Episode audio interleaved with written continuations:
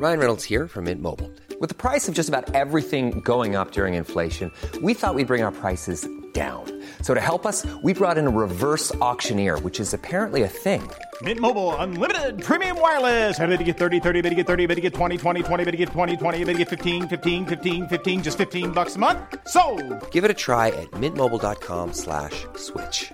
$45 upfront for three months plus taxes and fees. Promo for new customers for limited time. Unlimited more than 40 gigabytes per month. Slows. Full terms at mintmobile.com.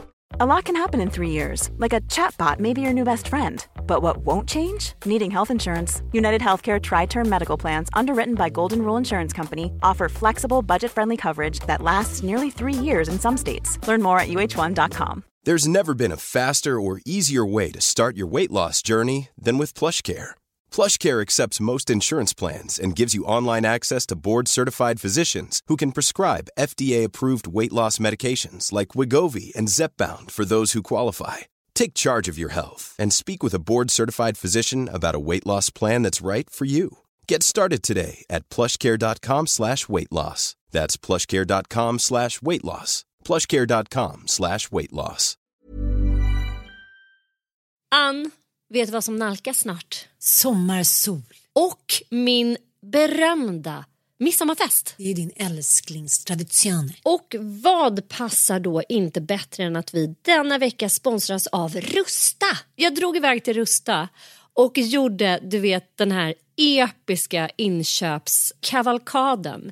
Alltså de har så mycket bord, stolar Dynlådor. och det roligaste av allt. lampor. Ja, lampor, mattor, där. Skatglittret. Gud vad man älskar det. För jag måste säga så här. Det spelar ingen roll hur fina möbler du har. Om du inte har lullullet, Mm. de fina ljusslingorna, ljusen, lyktorna, blommorna. Kuddarna, Nej, mattorna, precis. de det måste utemattor. spegla Ja. livet, det underbara livet. Hörni, gör som vi. Gå in på Rusta och botanisera bland alla deras helt fantastiska utemöbler och allt sortiment av det vi väljer att kalla skatklitter för din sommarfest.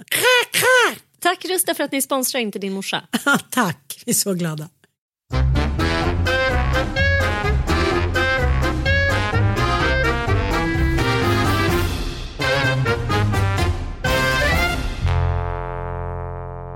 Hej och välkomna till podden Inte din morsa. Vi har som vanligt eh, förvärmt här. En timmes snicksnack. det, det är synd att vi liksom inte bara sätter på play för att det, Då ska det bli hög lyssning, det ska det. det skulle. Uh, det har varit det det ena smaskigare än det andra. Ja, nu har vi också tryckt i oss en semla var som du hade med. Du är min feeder har vi kommit fram till. Aha, Men du är aha. feeder för dig själv också. Jag ser inte, det är Ja. mycket obehagligt. Ja, det är mycket, mycket Det the var bra angle är på from beside. riktigt dåligt humör när jag kom hit. Riktigt dåligt Var, vad, vad, vad, hade du liksom landat i för, vad, vad var det som hade hänt? Nej, jag tycker att jag trampar i så här skepp och hojvatten. Jag står liksom som där, vad heter de där, hoppelandkalle. Hoppar fram och tillbaka, båten tillbaka, till kajen tillbaka. Mm. Ja, jag vet. Åh, den känns så frustrerande. För att om jag tänker på vårt forna år, råttans år. Forntiden. Forntiden. Det känns ju som forntiden men det känns ju också något som har pågått väldigt länge och jag tänker mycket på Katarina Sellner för att det är precis ett år sedan hon var här, vår älskade spåkvinna. Men då spådde ju hon liksom att det här skulle bli ett sånt år för dig men jag tänker så här, när man hamnar i kris och man trampar på så blir man väldigt utmattad och därför blir det ju så jävla svårt att ta sig upp liksom, och i land. Fast jag som står bredvid ser ju att så här, men hallå, liksom, där är ljuset, där är horisonten. Jag ser ju jag att du är så det. nära och du har varit liksom så här, några såna små bakslag på vägen dit som jag tror du upplever som mycket mer oöverstigligare för att du är så utmattad. Ja, jag fattar. Men jag har verkligen varit on a high nu ett tag. Och sen igår så fick jag bara liksom någon sån här superdipp. Sen fick jag i och för sig mens också. så det kanske- Men, men nu känns det bättre igen. Men du vet när man är så här, några grejer som man verkligen tycker man är på gång, man har förväntningar. Man vill att liksom någon grej ska bara så här sesame open typ, och ska öppna sig. Så, så här, en grej. Och jag tycker att här, jag har verkligen sänkt mycket av mina förväntningar och så här, vad som är ett bra liv och hur jag ska ha det och hur det ska se ut och var jag ska bo. Jag känner lite så här det är några grejer som är i min så här, grund, vad ska jag säga, grundfysik Nej, men som, som min själ mår inte bra om inte det finns. Och så här, det har blivit väldigt tydligt utkristalliserat det här året. Dels klarar jag inte av att ha fula saker omkring mig har jag insett. Det klarar jag inte bara. Jag blir liksom, jag får OCD. Eh, nu där jag bor så eh, är vi lite oense. Det finns ett, ett, ett svart bord, ett krombord. Jag kan inte förstå vem har byggt det här bordet, vem har köpt det, vem har ställt dit det, varför ska jag leva nära det? Men så här, just nu så liksom, det är inte läge att hålla på och liksom byta möblemang och fixa hit och dit. Saker måste liksom sätta sig först. Men det, då kan jag bli helt besatt. Och då skickade jag till min gamla bästis Åsa, hon bara ironisk inredning? Frågetecken. Att det är så himla roligt att, så här, att människor har så olika smak. Att de är lite så här von oben. Men eh, lite som att så här, man förstår jag menar, man har så olika smak. Att så här, om jag skulle skicka det till någon annan så skulle det kanske vara så här, men gud vilket fint bord. Eller vilken fin taklampa. Och Lill-Åsa bara så här, ironisk inredning. Så här, Och tänkte på Killinggänget nu när de gjort den här dokumentären att så här, man är hela tiden på gränsen, man skrattar. Man, vet, man vet inte riktigt varför man skrattar. Så här. Mm. Och det är därför det är så jävla tryggt med så här, ljust och fräscht och nordiskt. Ljust och fräscht och nordiskt. Att så här, ingen kan komma in och så här, klandra dig för att det var en så här loppistant om du har ett björkbord och vita gardiner. Ingen kan trycka till dig rent historiskt.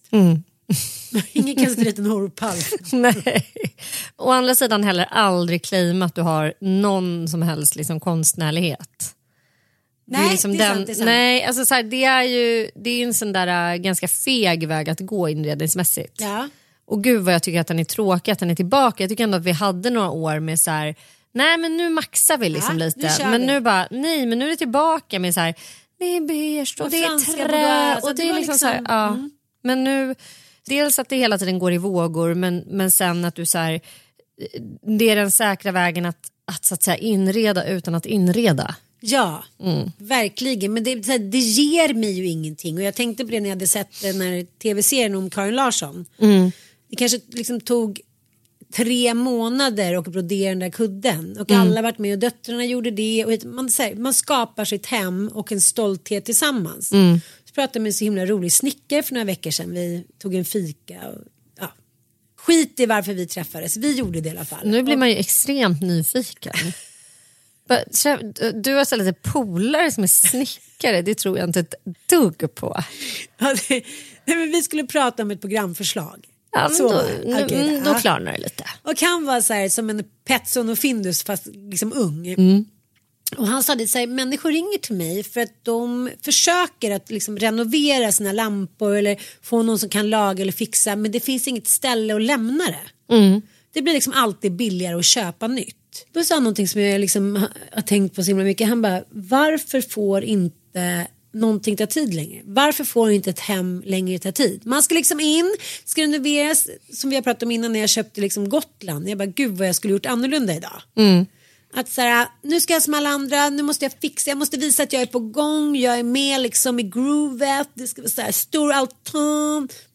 Man dras in i det, förstår du? Man, man så här, tror att man ska vara någonting och så tror man att det är på riktigt. Man på något sätt, eh, ja. Men har det inte också att göra väldigt mycket med att vi har haft en ekonomisk situation som vi Jo. kanske aldrig någonsin har haft Ja, men förutom liksom i Europa under 30-talet, det vill säga att du kan låna till nollränta.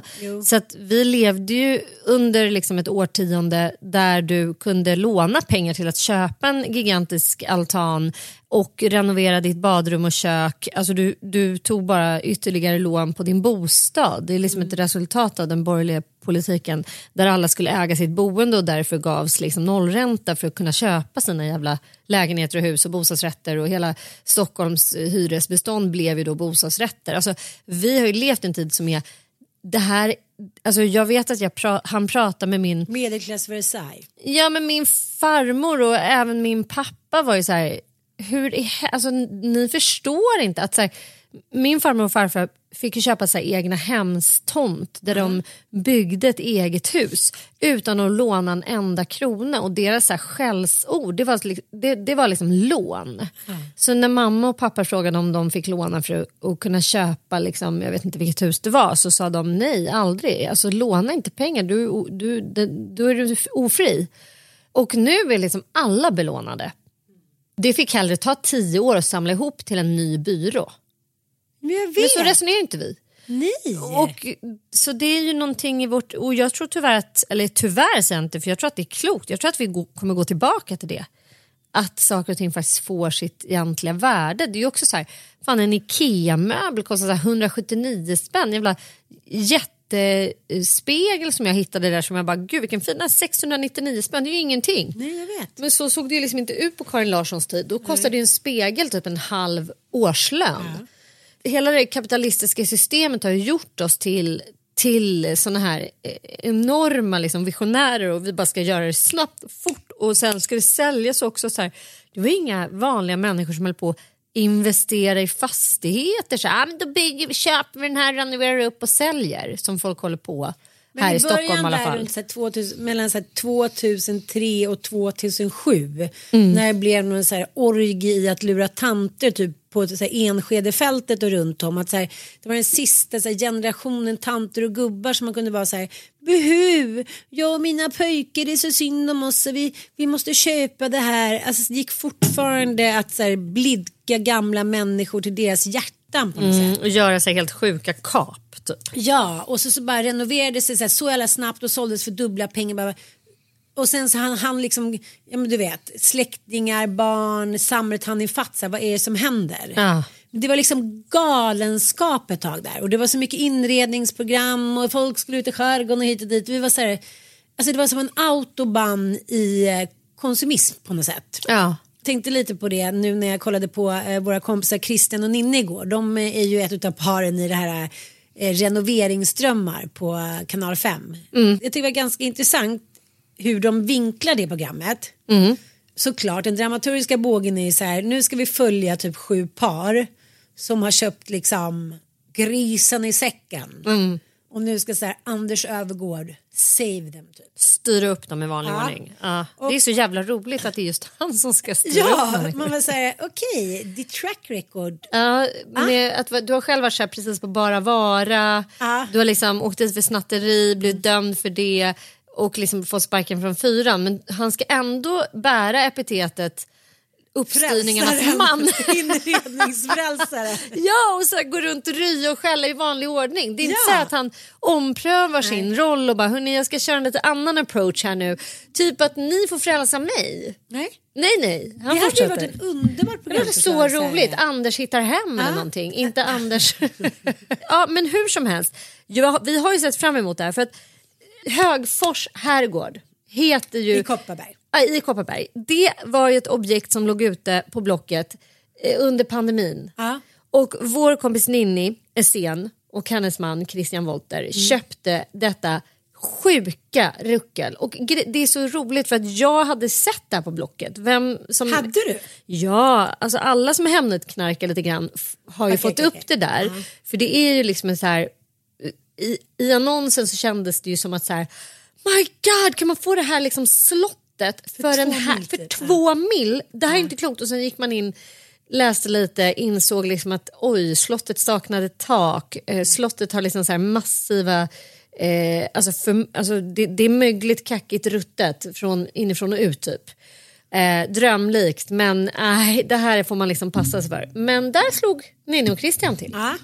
Och jag tänker så här, om det är några som, som eh, faktiskt har liksom energin och eh, eh, den positiva inställningen till det där eh, så är det ju just dem. Men jag blir ändå lite förvånad. Vi kan lyssna lite. här. Vi eh, tänkte ju från början att eh, annexet var ganska bra. Vinden är schysst, det luktar som det ska. Men eh, nu ser ju det här ut att bli ett lite större projekt än vad som kanske ursprungligen var tänkt. Takstolarna är helt borta. Just nu känns det lite hopplöst. Vi tänkte att vi hade tak, nu känner jag... Ah, det här ser inte helt okej ut. Visst, vi har tak, men det är kanske inte jättemycket tak. Det här är ju alltså ett ställe som Ja men det är i behov av liksom massiv renovering. Det, är inte ens säkert att själva slottet eller herrgården går att rädda. Men så finns det ju en eh, annan byggnad på tomten som de har renoverat. Men den visar sig ju inte heller vara i toppskick. Mm. Men, men, men det, det, var otroligt underhållande och de är ju liksom otroligt karismatiska och smarta och roliga. Och den dramaturgiska bågen är ju att så här, nu eh, har de köpt det här, hur kunde de göra det? De har ingen koll. Någon ja. har ingen koll. Ja. Och sen så hela tiden så hade alla koll. För att tjejen som hade köpt det gamla, eh, tjejen som hade ärvt då det gamla eh, tågstationshuset, de hade bott där under hela uppväxten. Hennes pappa var jätteduktig på att renovera. Jaha. Christian och Ninni är ju jätteduktiga. Ninni är ju liksom uppväxt på en herrgård och det paret som hade då köpt eh, den gamla eh, Mjölnar eh, kvarnen. kvarnen. De var liksom i stort sett klara. Mm. Och ändå skulle det framställas som så här, oj, oj, oj, de är så novis, oj, hur ska det här gå, hur ska mm. de hinna? Man vill säga, vänta nu, är det någonting som du Anders Övergård ser som inte vi ser. Så jag blev lite så här, okej, okay. och det var ju också inte riktigt med, det var lite bortklippt då. Ja men just essensen av att säga ja vi har ju haft den här goda andra hus som vi har renoverat att mm. man ville så gärna att han skulle då få komma och vara frälsaren. Mm. Men så är det en, en scen här som jag kände lite så här nej nu gör ni så många kardinalfel eh, mm. här i kanalen och redaktörer och allting. Lyssna här. Vad tänker du, hallen här och sovrummet, vad tänker du i budget? Jag vet inte. Ett par 10 000 kronor kanske för varje rum. Så säg, säg att det här kostar 30 vi står i nu. Mm. Och så, så Golv, väggar, tak. Jag är inget proffs. Jag är ingen expert, jag är inte utbildad i någonting. Alltså jag bara gissar nu. Du får inte ha med detta. jag kan bara ge dig ett litet riktvärde. Om jag har en byggfirma och kommer, ja. skulle jag komma hit och göra det här ja. så brukar man räkna ungefär 10 000 kvadraten. Kvadraten. Vad hade vi här då? 30. 30 totalt. Ja. 300 000. Ja, tutta alla. Ja. Här då så tycker jag att det känns väldigt så mycket fokus på att framställa det är så inredningsgalna kvinnor från Bromma som bara säger jag köpte ett slott, jag köpte en kvarn, jag köpte... Mm. Mm. Fast alla tre som, som, liksom, som är med i den här serien i första avsnittet verkar ha riktigt bra koll tycker jag. Mm. De har liksom renoverat och känner till de här husen. De har gjort det själva, de har fäder, de har kompisar, de har män. Så här, nej, det är ingen som tror att vi ska fira jul liksom om några månader när man tittar upp och det är så ett slott utan tak jag tror inte att Ninni trodde det och jag tror inte att den här tjejen då som eh, vars pappa skulle hjälpa henne med stationshuset. Mm. Att säga ja Anders Öfvergård om du ska åka dit och ta det, liksom, dina överpriser från Stockholm, kändispriser, då fattar jag att det skulle kosta 300 000 kanske isolera den här väggen. Men typ, det, det gör inte det i övriga Sverige. Så jag bara känner lite så här efter hans track record med så här, ja, lite kvinnoförnedring, lite hit och ditan. Hade inte det varit klädsamt att sätta på sig feministkostymen un petit lite grann? Jo, jag bara tänker också att så här, hade det inte varit klädsamt och ganska roligt om han hade bara bestämt sig för att så här, kliva, kliva ur den här liksom, det är en ganska så här, tråkig programidé att så här, här kommer jag, jag är hantverkare på riktigt, jag är ingen jävla programledare. Jag har fan Värsta jobbat med bygg. jag sett. Ja, och så bara, fan tror ni, ni är helt jävla dumma i huvudet, kan ni inte räkna, är ni blinda, är ni döva typ. Och så ska han liksom styra upp det här. Så här jag vet inte riktigt vad det är. Så är det drömmen om att få mästra liksom, idioter med pengar? Gillar man Anders Övergård för att han är en arbetargrabb som säger som ändå liksom är den enda som har koll bland dessa så här förmögna, för han har ju också gjort sig ett namn på att renovera kändis, Anders knackar på, då åker han ju runt till så här olika kändisar och förnedrar dem. Om vilka jävla idioter de är som inte fattar. Jag är glad att jag sa till mm. Benjamin Ingrosso, jävligt bortskämd.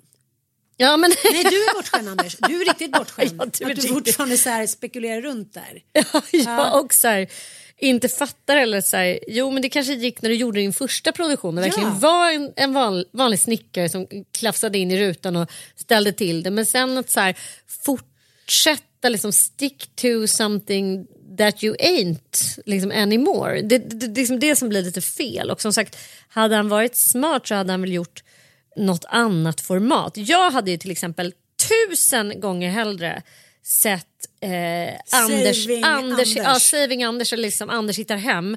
Eftersom det visar sig nu att han, precis som Bianca Ingrosso, har varit på Bara Vara.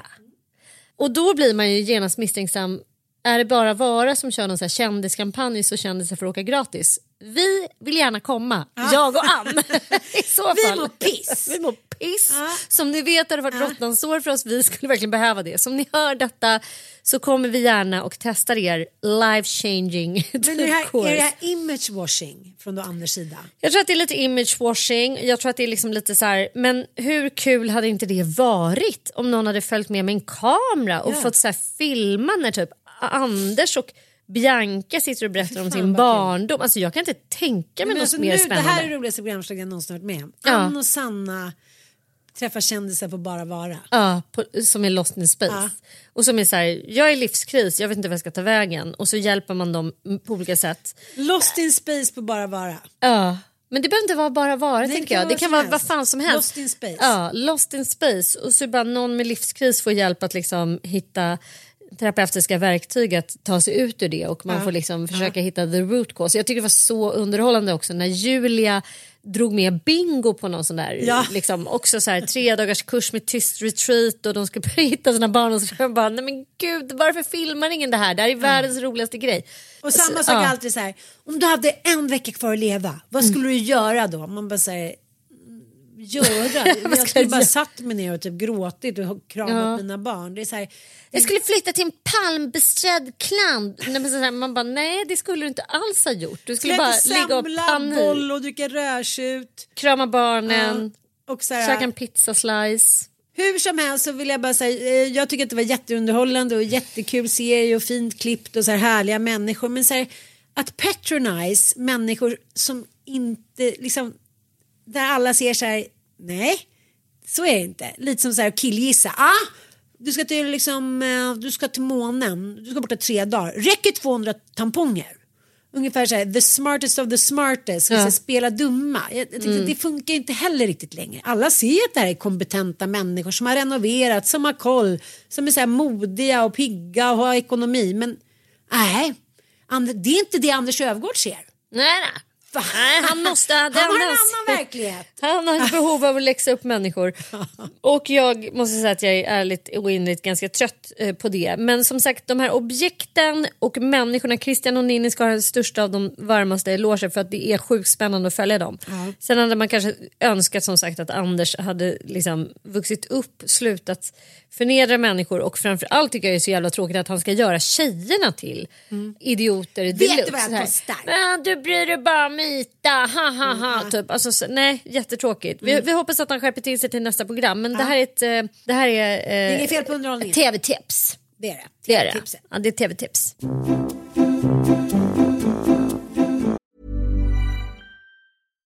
One size fits all seemed like a good idea for clothes Nice dress. Uh, it's a it's a t-shirt. until you tried it on. Same goes for your healthcare. That's why United Healthcare offers a variety of flexible, budget friendly coverage for medical, vision, dental, and more. So, whether you're between jobs, coming off a parent's plan, or even missed open enrollment, you can find the plan that fits you best. Find out more about United Healthcare coverage at uh1.com. That's uh1.com. There's never been a faster or easier way to start your weight loss journey than with PlushCare. PlushCare accepts most insurance plans and gives you online access to board-certified physicians who can prescribe FDA-approved weight loss medications like Wigovi and Zepbound for those who qualify. Take charge of your health and speak with a board-certified physician about a weight loss plan that's right for you.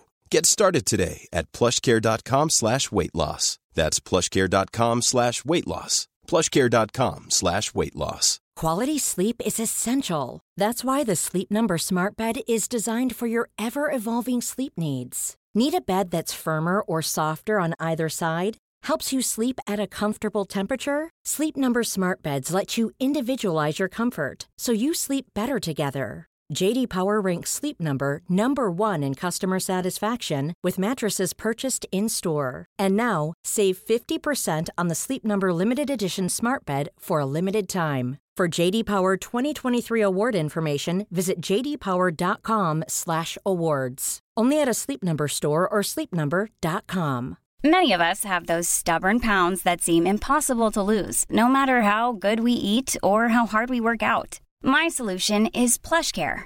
PlushCare is a leading telehealth provider with doctors who are there for you day and night to partner with you in your weight loss journey. They can prescribe FDA-approved weight loss medications like Wagovi and Zepbound for those who qualify. Plus, they accept most insurance plans. To get started, visit plushcare.com slash weight loss. That's plushcare.com slash weight loss.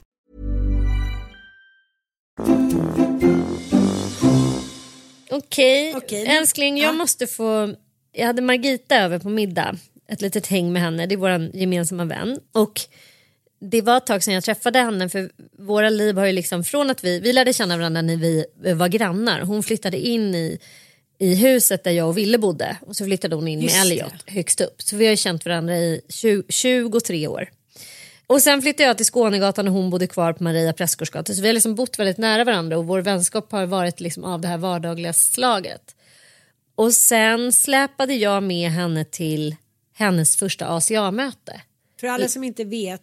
Adult Children of Alcoholics, det är en tolvstegsgemenskap som eh, är fantastisk för alla som har vuxit upp med alkoholism eller annan dysfunktionell barndom. Liksom. Eh, alltså verkligen en superfin gemenskap som har hjälpt mig så mycket.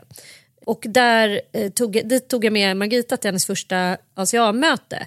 Och sen har vår vänskap handlat väldigt mycket om att vi har gjort, vi har gjort stegen tillsammans. Och, ja, men vi, vi har liksom en väldigt nära och fin vänskap. Men då sa hon någonting fint eh, som jag har tänkt på sen dess. Hon sa så här, ja, men jag tänker på livet som att man, man lever liksom i olika faser. Och, och det, först är man ju barn och sen är man tonår och sen blir man ju vuxen och den här, liksom typ i samband med att man får barn.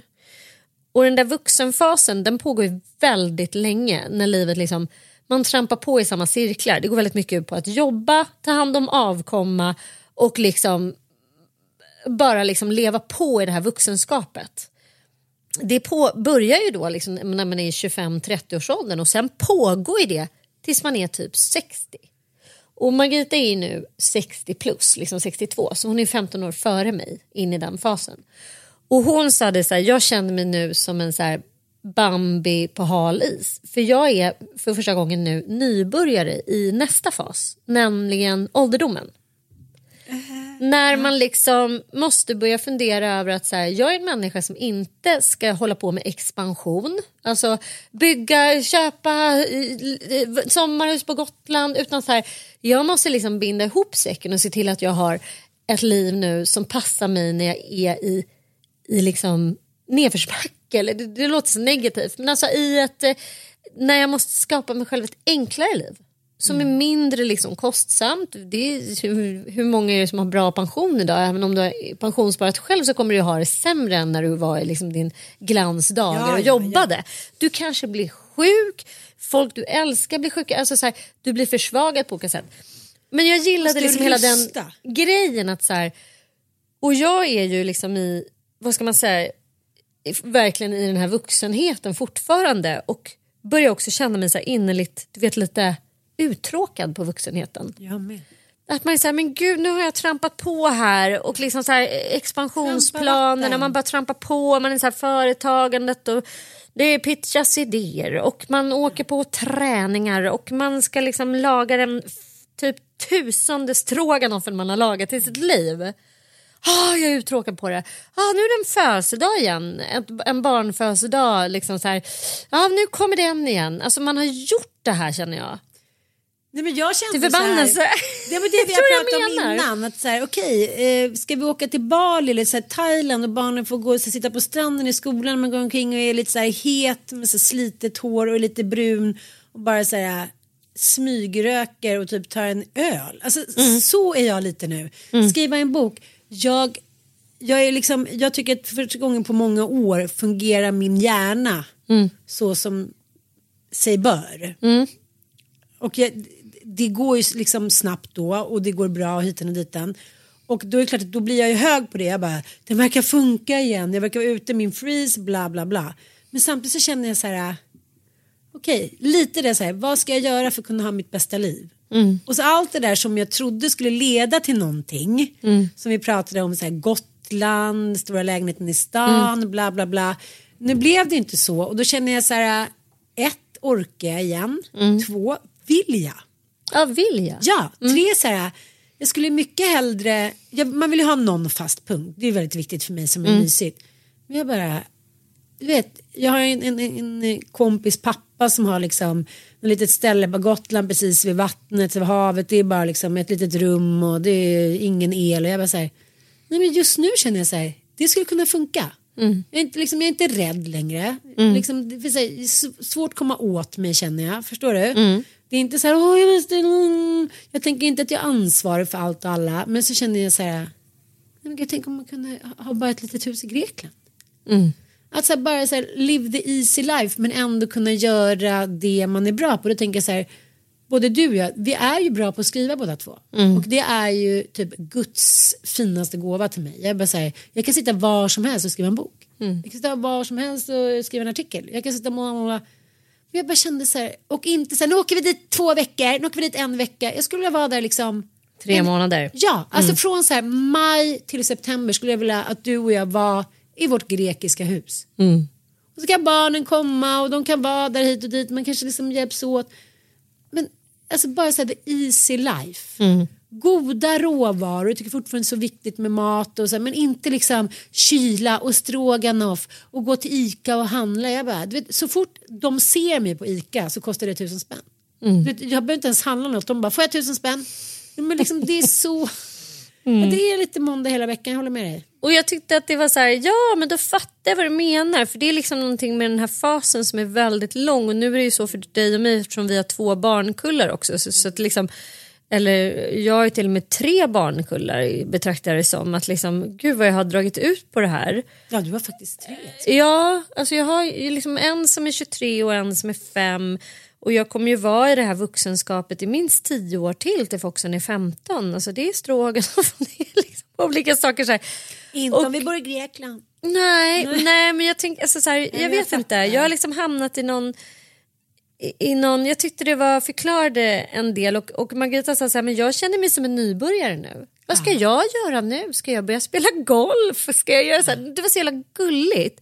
Vi måste skaffa fler hobbys. Ja, för jag minns ju hur jävla lost in space jag var i början på, vår, på min, min, mitt vuxenskap. Alltså så här, ah, vad, vad, är det så, vad, vad ska man göra med hela sitt, sitt vuxenliv? Alltså den här expansionsfasen då du liksom ska köpa ditt hus, det ska inredas, du ska liksom bli en matmora, du ska, du ska på något sätt eh, skapa ett föräldraskap som du är stolt över. Alltså, allt det där som nu bara rullar på som tåget. Alltså det här är ingenting vi ens behöver fundera på längre. Det är inte så att man har läst en mammabok. Jag är inte ens intresserad av och liksom allt det här med tidningen Mamma. Och vem ska jag vara som förälder? Jag tänkte på det när jag, när jag såg någon sån här gravid influencer som återigen är så här Vecka tre! Man bara, åh gud nej, för Nej, fan nej, vad jag, nej. är, jag är så färdig med det där.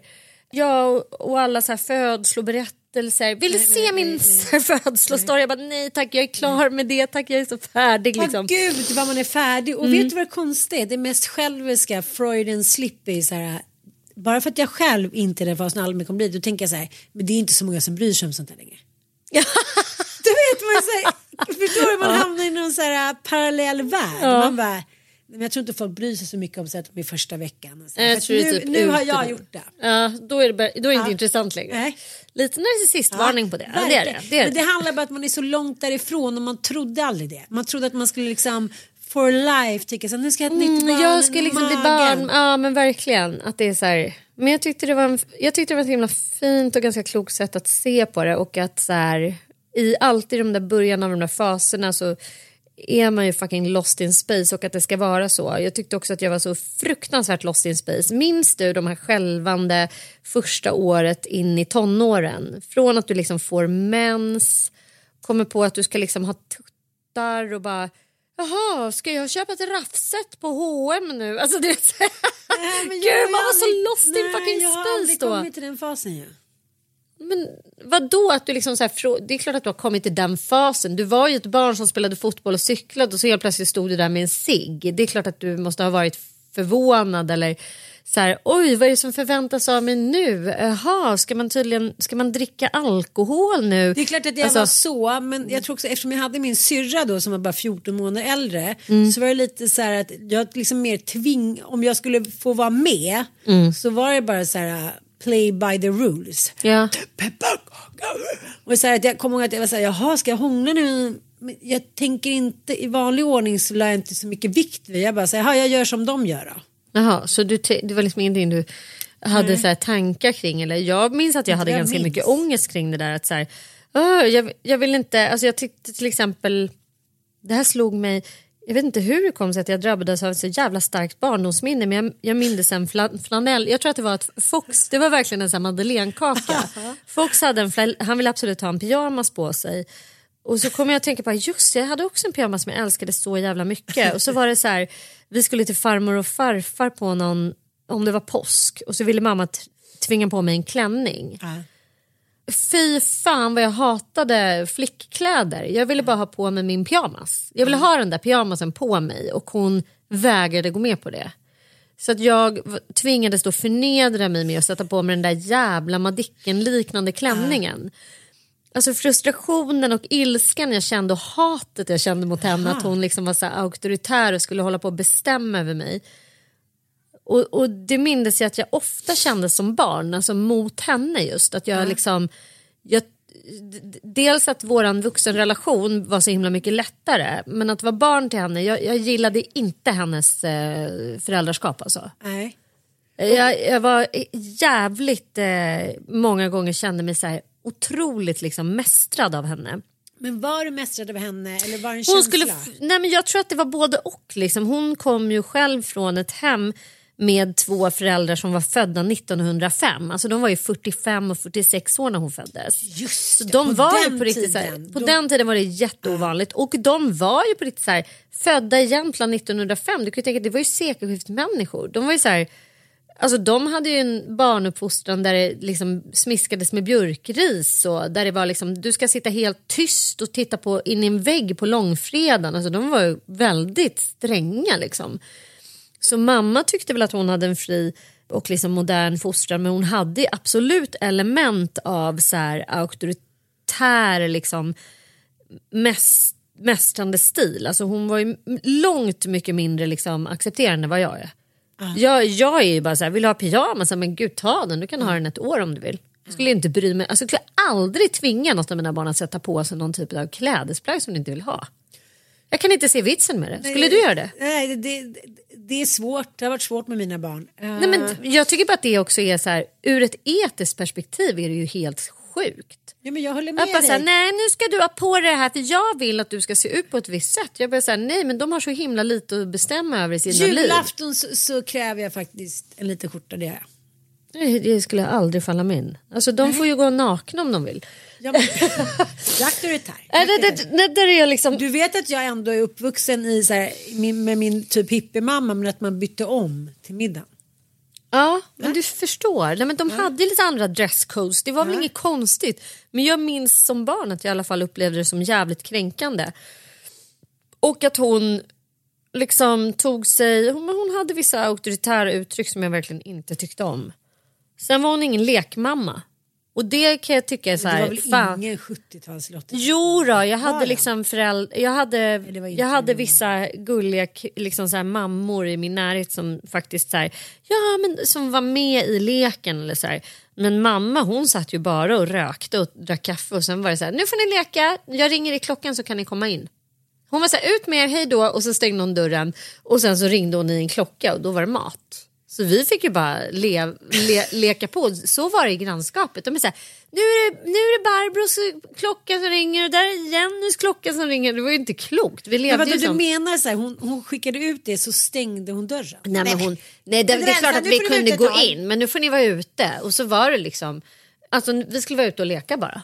Och då, är, då var det inte så här, jag vill in och kolla på film.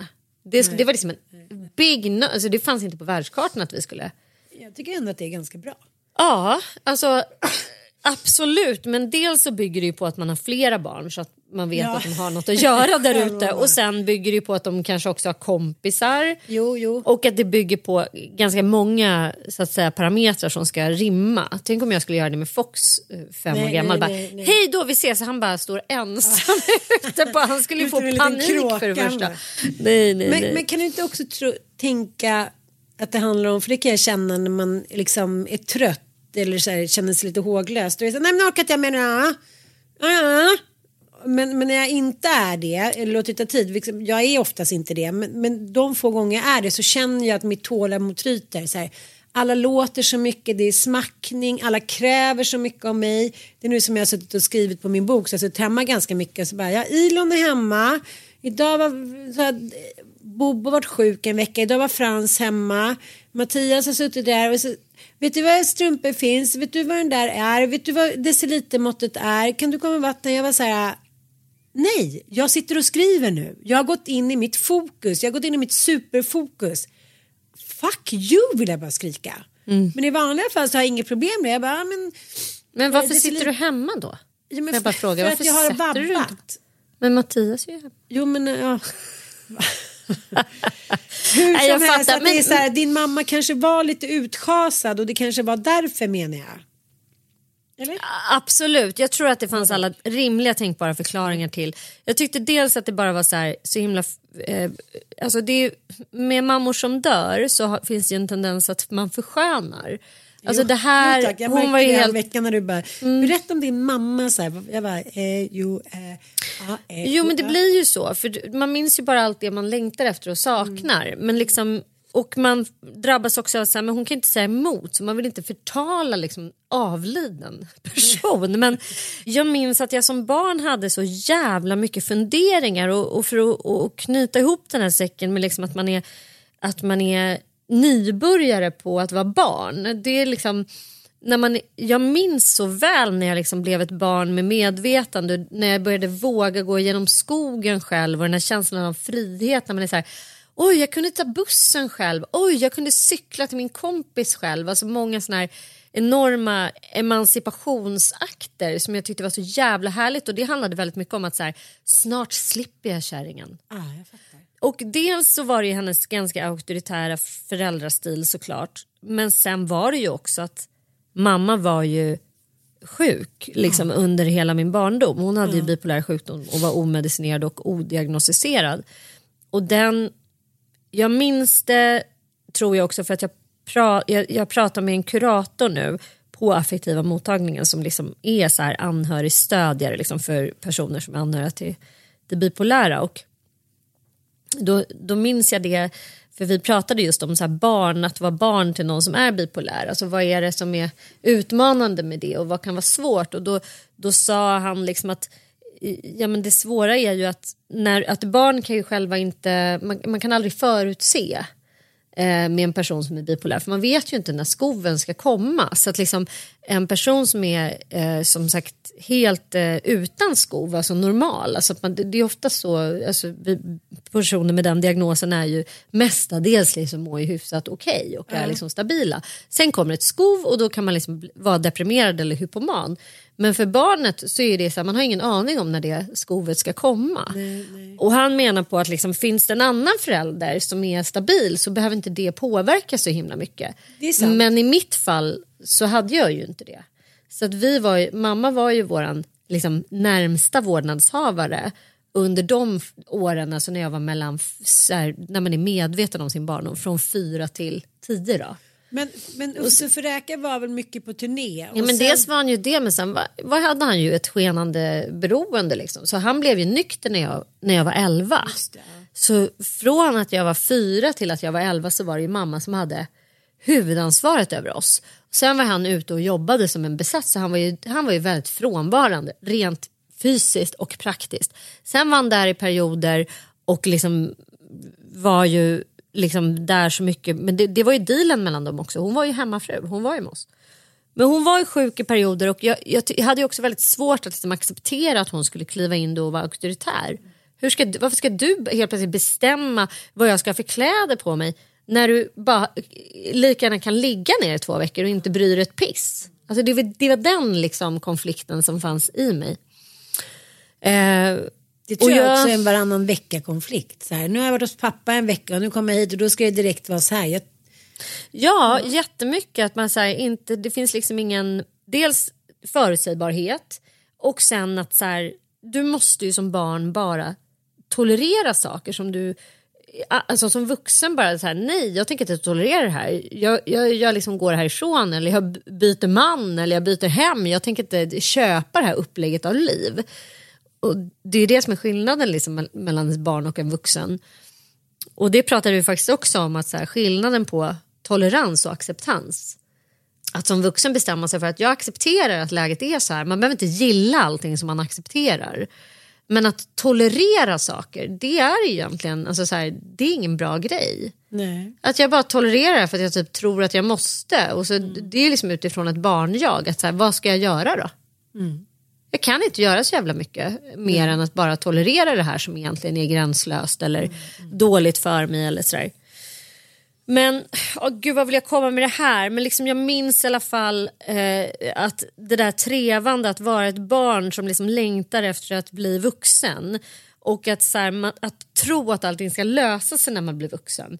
Och sen när jag stod där och var vuxen då var jag liksom återigen nybörjare på det. Jaha, nu är jag vuxen, nu är det jag som ska fatta alla beslut. Och jag kanske inte är dugg jävla klokare än vad min morsa var. Jag mm. kanske inte alls kommer bli... Alltså så här, Åh, de där första åren som vuxen, fy fan vad lost in space jag var. Ja, var vad ska också. jag bli? Vad, vilka talanger har jag? Vilka förmågor har jag? Ska jag bo här själv nu? Här, Hur ska jag kunna tjäna pengar? Hur ska jag orka jobba? Ja. Alltså, så jävla mycket frågetecken. Aldrig varit så fucking lost in space som Nej. då.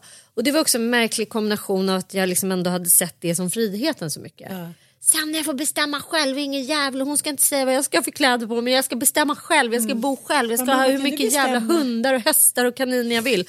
Sen står man där så här, 20 år gammal och bara okej okay, jag tar ett glas vin till, jag orkar inte ens tänka på mitt liv. Liksom. Jag vet inte ens vem jag är, vad jag ska bli, vem vill ha mig? Ska jag kunna liksom Nej fy fan vilket... Eh, ja. vilka, att vara nybörjare på att vara vuxen, ingen kul grej helt enkelt.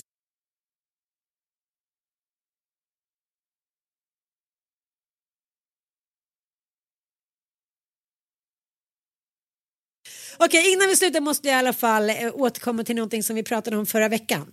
Ja. Då pratade vi om vita äktenskap. Mm. Och var De sexlösa och bla, äktenskapen. Bla, bla. Ja. Så satt jag på någon lunch och så var en av tjejerna som sa så här, gud, vi, vi fick till det typ i lördags. Och innan dess tror jag att det var senaste gången i somras. Och så den andra tjejen så här, nej men gud, eller vi kommer inte ens ihåg när vi hade knullat sist. Och den andra tjejen var så här, ja vi låg också, nej vi har inte legat på ett år nu kom jag fram, kom jag fram till när jag tänkte på det. Och den tredje hade inte legat på två år, jag var så här, nej men liksom jag, jag har en vanföreställning mm. om människors sexliv mm. som jag tydligen inte kan ta mig ur. Nej men så här att jag, jag tycker det är så viktigt att ta, ja men annars är det ingen idé att man liksom ihop om inte det finns och då blir man sjuk och hit och dit. Eh, och sen så typ samma dag som vi har pratat om den här podden där vi har fördömt då eh, vita äktenskap som eh, för övrigt kommer då från franskans mm. eh, vita äktenskap vilket betyder att så här, man blir ihop med någon men äktenskapet fullbordas aldrig. Nej just det. Mm. Ja, som då har blivit vita äktenskap. Ja och så är jag inne på typ ja, men Expressen eller något så här och så kommer då Bengt Olsson upp som är Amelias eh, men han är ju deras liksom relationsexpert. Ja Precis, han var ju med i någon manspanel förut. Ja. Bestående av typ Robert Aschberg, Leif GW, Paolo Roberto kanske var med där innan han blev fördömd. Och så Bengt, Bengt Ås. Ja, I alla fall väldigt roligt. Men nu svarar han och det här poppar ofta upp i mitt flöde också. Gör det? Jag upphör aldrig att förvånas. Okay. För Bengt är väldigt rolig. Ja. Här är det så här, är verkligen sex så viktigt? Mm. Svar Bengt Olsson. Det här bara dök upp, det jag har inte sökt. Ja. Jag tror inte att sex är det viktigaste i alla människors liv. Utan... Men jag tror att det finns en, en känsla av skam kring det. Att, att det är något lite små, verkligen skämmigt att vara en sån människa. Det verkliga tabut, det är ju att erkänna för sig själv och sin partner och kanske rent av för omvärlden att, att sex inte är det absolut viktigaste i mitt liv utan att det kanske kommer på en fjärde plats rent av, eller tredje. Det här tror jag många skulle dra sig in i det längsta för att erkänna därför att det, det tas som ett tecken på att, att man är en, en fattig människa eller har ett fattigt liv eller en fattig relation. Men så tror jag inte det behöver vara egentligen. Alltså om någon upplever liksom en, en, eh, en bristande lust då, så, så är det som ett, ett av, av många tycker jag verkar tas som ett katastrofläge. Att det måste åtgärdas med underkläder och krämer och leksaker och partnerbyten och hej och hå. Liksom. Jag misstänker att det finns många som önskar att de vågade erkänna det där. Att det kanske kommer på en tredje plats eller fjärde plats. Ja, och så bara stannade jag till lite så tänkte jag så här, okej, okay, eh, Ann Södlund, är det sex det viktigaste i ditt liv? Ja. Så bara, nej, varför skulle det vara det för?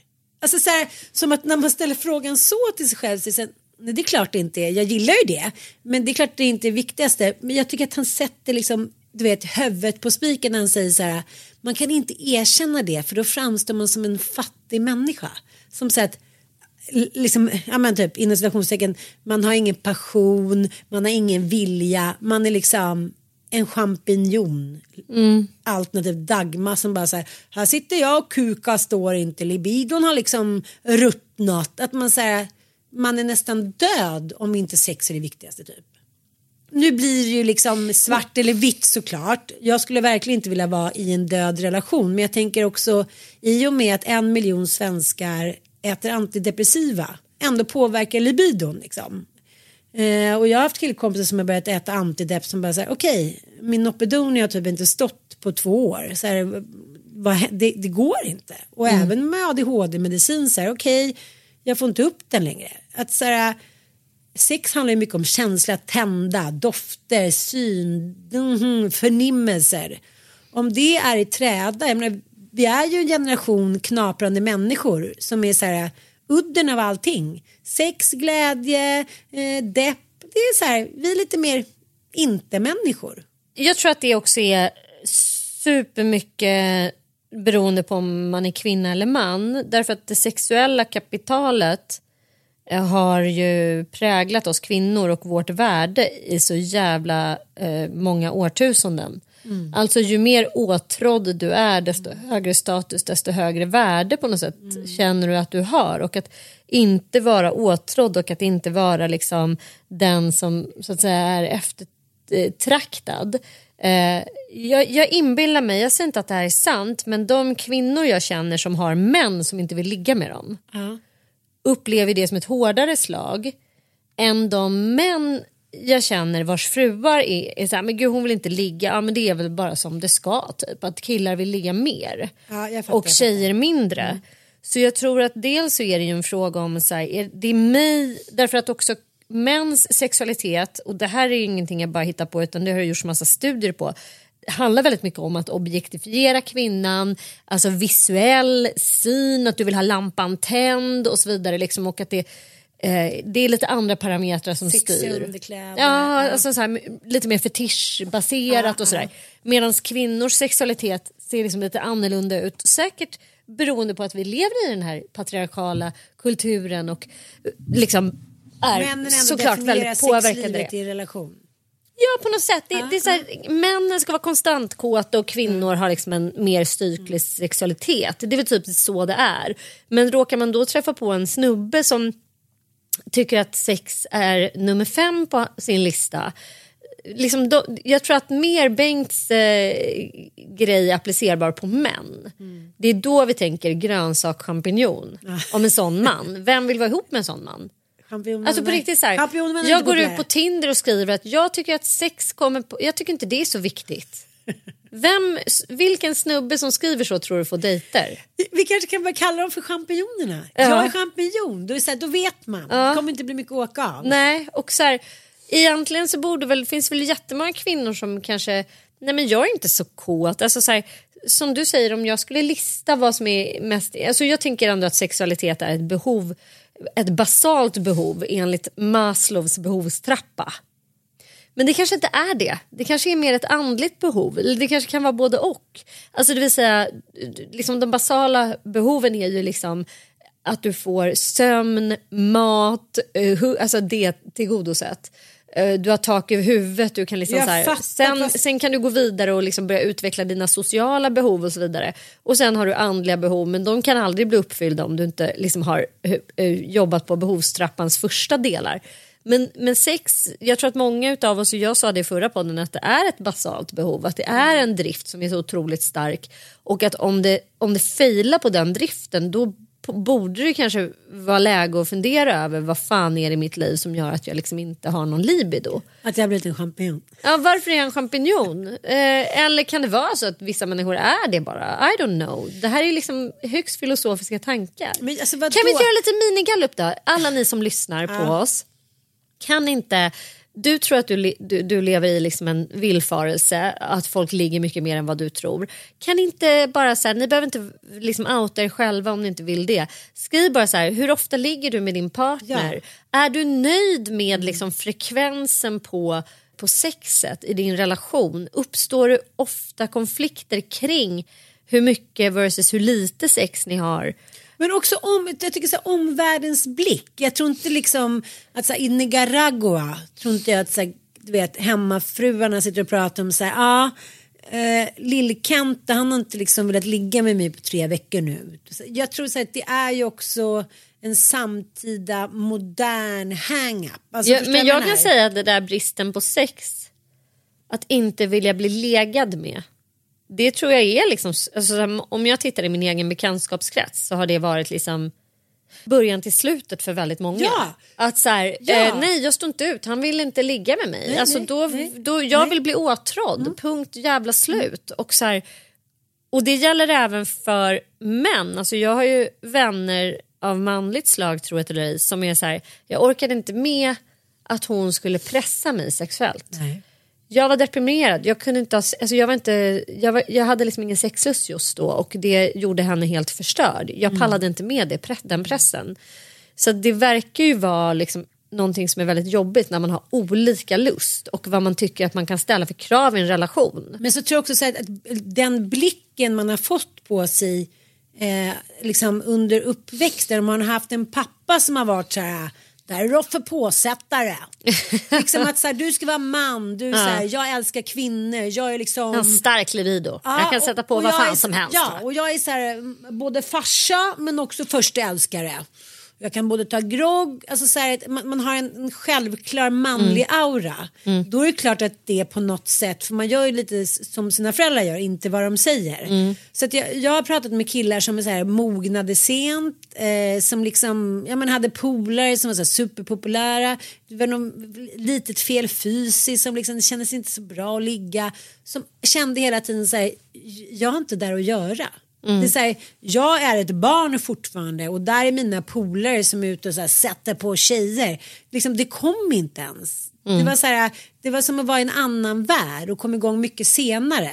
Lite som man har kompisar som har gått ner i vikt mycket och tycker ändå så här, kolla, de ser bara den här tjocka personen i spegeln. Mm. Eller klassamhället, så här, men du har ju kommit upp nu, du har lyckats, nej fortfarande liksom det är rädd för att det ska ta slut. Ja, det är, så här, mm. det är samhället och din egen blick mot dig själv. Liksom. Mm.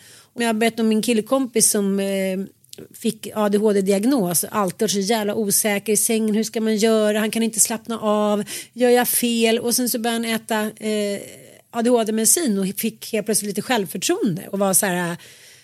Ja, men, det blev inte liksom att han inte kunde koncentrera sig, att han blev ängslig. Han kunde fokusera på ögonblicket. Och det är någon ny forskning som har kommit här från eh, Södertörns universitet eh, som i samarbete då med Röda Korset. Att så här, unga tjejer med ADHD eh, har väldigt svårt för det sexuella.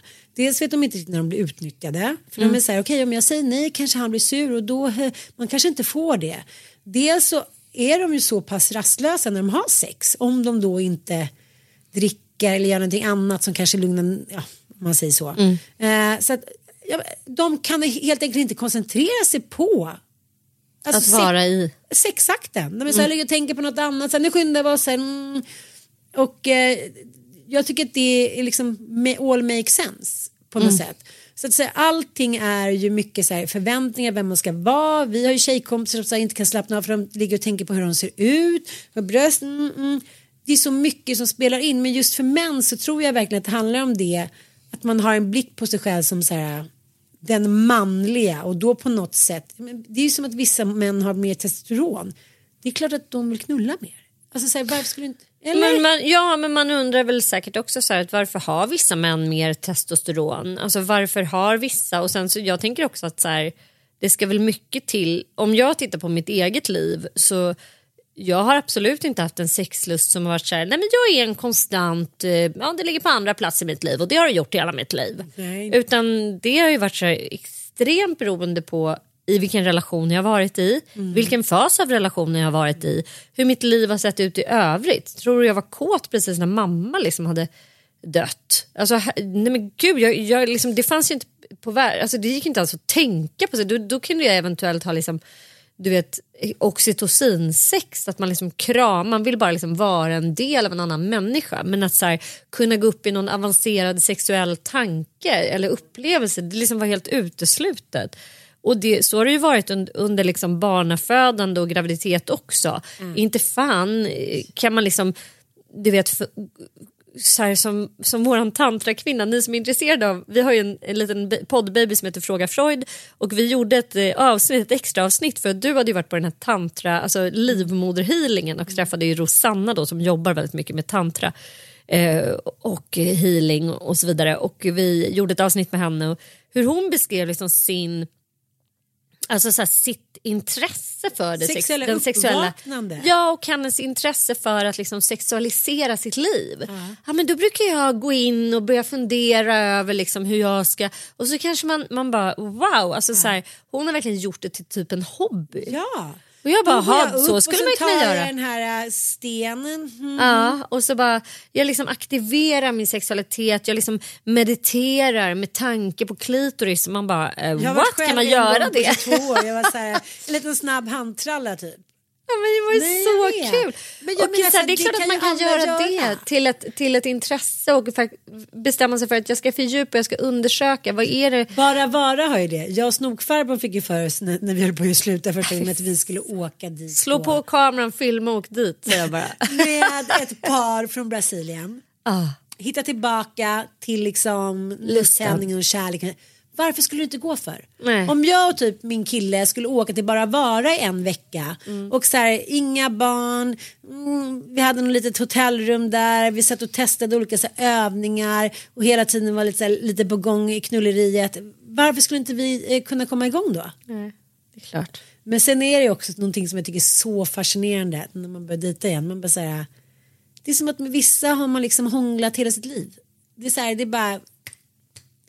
Allting Ja men också om- att man kanske stänger vissa känslor. Alltså så är det för mig i alla fall. Att har jag blivit sårad och orättvist behandlad då stänger jag ner hela min sexualitet.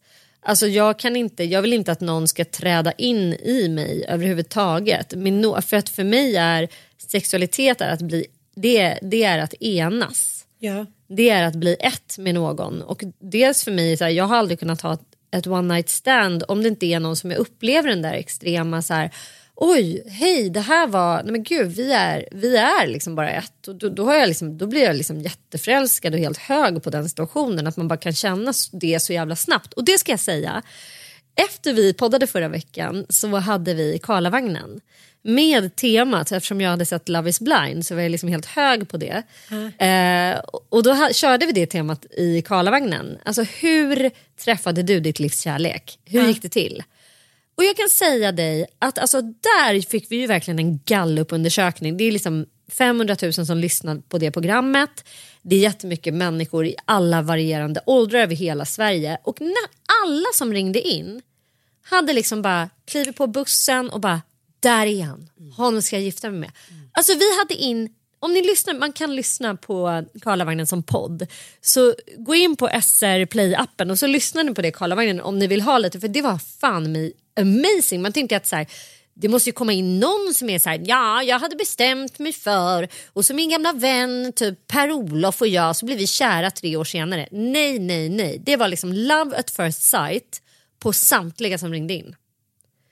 Det, det, det, var, och det var så passionerat, alltså alla dessa åldrade och vi hade nästan bara män som ringde in som var ju typ så här 80-årsåldern som berättade hur de har liksom så träffat jag såg när någon klev in på dansen. Alltså det var så jävla gulligt hela det programmet. Men det kan ju också vara så som jag har en kompis, hon blev dumpad av sin man. Hon bara, jag bestämde mig direkt. Mm. Jag var så målmedveten. Jag var så här, han var mitt livs kärlek. Men så här, nej, jag, var, jag skulle bara direkt ha en ny man. Liksom, det var enda sättet att läkas på. Ja. Så jag tror att det handlar också mycket om målmedvetenhet, att så här, vara inne i känslan av att vilja träffa någon. Ja, jag, att vara jag är en ju absolut inte det just nu. Alltså, så här, jag är så ute i den där känslan så att så här, när jag, ja men du vet, man, man står och snackar så känner man någonting för någon, man bara, va? Det, Finns det, det är så roligt att det är som färskvara. Man Mm. tror liksom att när det inte har varit påkopplat då tänker man så här, det är över. Mm. Kommer aldrig mer känna något för någon. Ja, och så, så bara, men jag läste en väldigt intressant artikel i The Economist. Mm. Som var så här, love at first sight is liksom, it's happening but it's rare. Artikelns undringen tema var så här, vad är the best time gap Mm. between liksom in ages? Och då var det så här, när man är, över- liksom, när man är över 50 då kan man ju nästan bli ihop med en 80-åring. Alltså så här, och vice Mm. Ja. versa. För det är så här, ja ja men nu är Barnen vi... är gjorda, Ja, vi har vi är passerat det där. Sidan, Ja. så det spelar ingen roll om han är lite gammal. Så här, vi har ju får utbyta varandra. Och kvinnorna var så här, men några år äldre, några yngre, så det var inte så noga. Så, liksom, det var inte en big issue. Medan männen, ju äldre de blev, ju yngre trodde de att de skulle få möjlighet till. Och Det här är ju liksom en Ja. vanlig grej. Alltså även om de var 70 Mm. så fick man skriva så här, vilken ålder är på din idealpartner? Även om jag nu idag liksom skulle sk- skriva så här, ah, men 25 så skulle jag inte göra det för jag säger, nej men det går inte. Så här, Mm. Loppet är kört och det är ju även om man liksom dejtar någon som yngre så kan jag känna så här, men vad ska det här leda till? Mm. Han har inte ens barn. Ah, ja, det- liksom, det där är så svårt för mig att så här, ha, att bara vara för stunden och ha ett mål utan sikte. Mm. Det, bara, liksom, det måste ändå finnas liksom, att vi En har att långsiktighet, ja. Ja, annars tycker jag att det är så jävla ointressant. Ja, Mm. men då ska jag så här, hänga lite om två år så får vi se vad som händer. Så här, nej, Nej. ha det bra. Men just det här att det spelar liksom ingen roll. De frågade män i 20-30 upp till 90-årsåldern. Mm. Och allas ideal var mm, runt 20. 20-25. Du skämtar. Man bara säger, nej men era killgissningskukar, förlåt. Men det är bara så här, nej men de tyckte ändå nu med erfarenhet hit och dit och det bara liksom stannade aldrig av. De bara tänkte, men nu måste jag väl ändå plana ut. Nu är vi uppe på 80 års Ja. liksom, skraltet som snabbt kan liksom prata utan att ta Viagra typ. Ja. Runt mellan 20 och 30. Men alltså gud, här, män. ja, men så här, it all makes sense. Det, är här, det är ingen idé att ha någon förhoppning. Nej. Och det här återkommer, de gör ju såna här liksom, Fast undersökningar. jag tror fan de kan inte ha gjort den undersökningen i Sverige. Nej, i USA. Ja, jag menar det. Fast det har ju också varit, jo, det har varit i Sverige också. Jag har läst om det där återkommande flera gånger. Att så här, vilken, liksom, vilken ålder tycker du ändå att du känner att du passar ihop med bäst? Mm. Och då är det liksom samma ålder från de är 20 till som typ trillar av pinn. Mm. Det är de det är de mentalt, känner. de har typ stannat i... i ah, fy fan. För att det är det de vill spegla sig i, att de fortfarande är virila, att de fortfarande kan pippa, att de fortfarande är så här, Mm. got it going on typ. Nej, men, Jag tycker det verkar så jobbigt. Jag tänker att det är också en sån märklig idé att man skulle känna sig yngre bara för att man dejtar någon som är yngre. För jag tänker precis tvärtom att skulle jag träffa ett gäng 20-åringarna aldrig blir det ju så märkbart för mig hur gammal jag är. Jag och Sofia pratade om det häromdagen. Att så här, Gud, man, måste liksom, man får inte glömma. Så, liksom, man måste verkligen mixa upp sitt umgänge åldersmässigt. Liksom, att så här, man stagnerar eh, så att man inte gör det. Liksom. Jag bara, ja jag fattar ju absolut men samtidigt så här, när jag umgås med 20, alltså Olga och hennes vänner det är helt underbart och jag kan känna mig att, att det finns en ålderslöshet. Ja. Men sen finns det ju erfarenheter som är det går inte att blunda för att vi har varit liksom vuxna som sagt i Jo, men 30 det är år. 20-åring, du bara, Ja, man älskling, gör du en Nej, men jag sill- skulle liksom inte kunna vara ihop med. Förstår du? Alltså, så här, någon famlande 23-åring som ska så här, vet knappt hur man liksom skurar ett fönster och så här, vet inte vad de ska bli och göra med sitt liv. Alltså, det finns så mycket med det som jag är så här, nej tack jag vill inte återuppleva det. Jag kommer känna mig asgammal då om jag ska behöva dejta någon som håller på med sånt. Och är så här, ah, jag har inte råd med en SL-biljett, kan du skicka Mackan, Uber, alltså jag skulle bara nej tack, hej då. Nej, jag var på Norsen Chow i fredags. Det är ett ställe här i, liksom, i Stockholm. Ett coolt ställe. Dels kom så här, Jennys Engströms son jobbar Han bara tjan! Jag bara hej då. Uh, stod och dansade lite så här. För några killar som vi känner var DJs den kvällen. Sen några killar som kommer fram och ska dansa lite så här. Kan jag få ditt nummer? Jag var så här. Nej, nej, nej, nej. Alltså att det är liksom.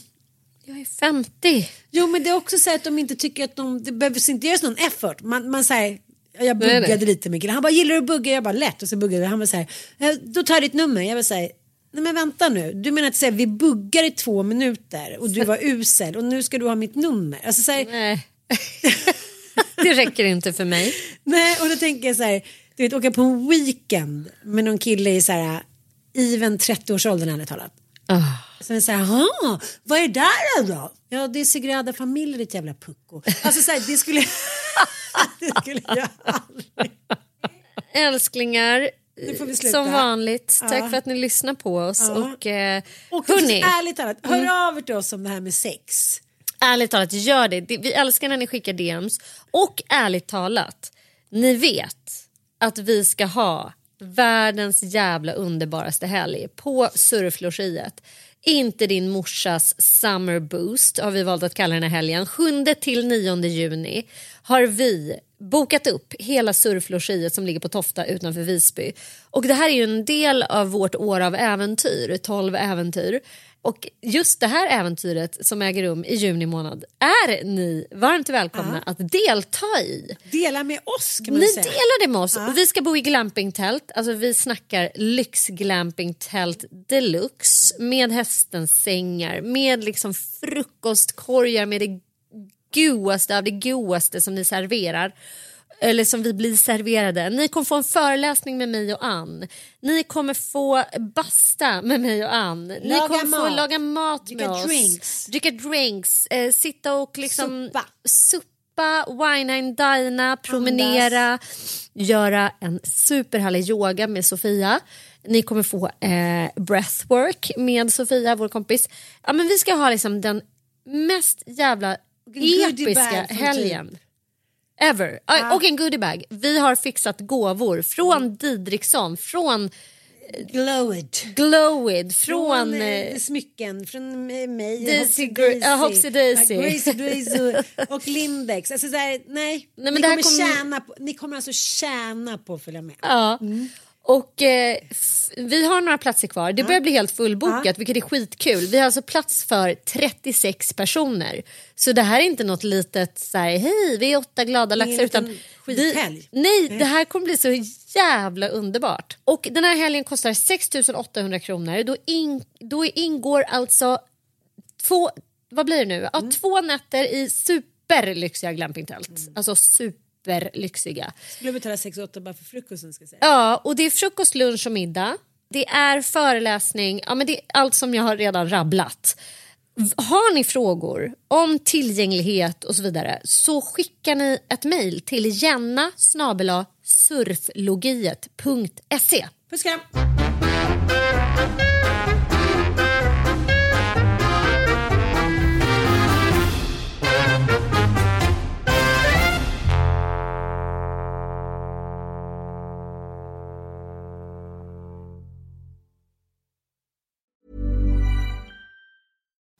Imagine the softest sheets you've ever felt. Now imagine them getting even softer over time. That's what you'll feel with Bowl and Branch's organic cotton sheets. In a recent customer survey, 96% replied that Bowl and Branch sheets get softer with every wash. Start getting your best night's sleep in these sheets that get softer and softer for years to come. Try their sheets with a 30-night guarantee. Plus, get 15% off your first order at bowlandbranch.com. Code BUTTERY. Exclusions apply. See site for details.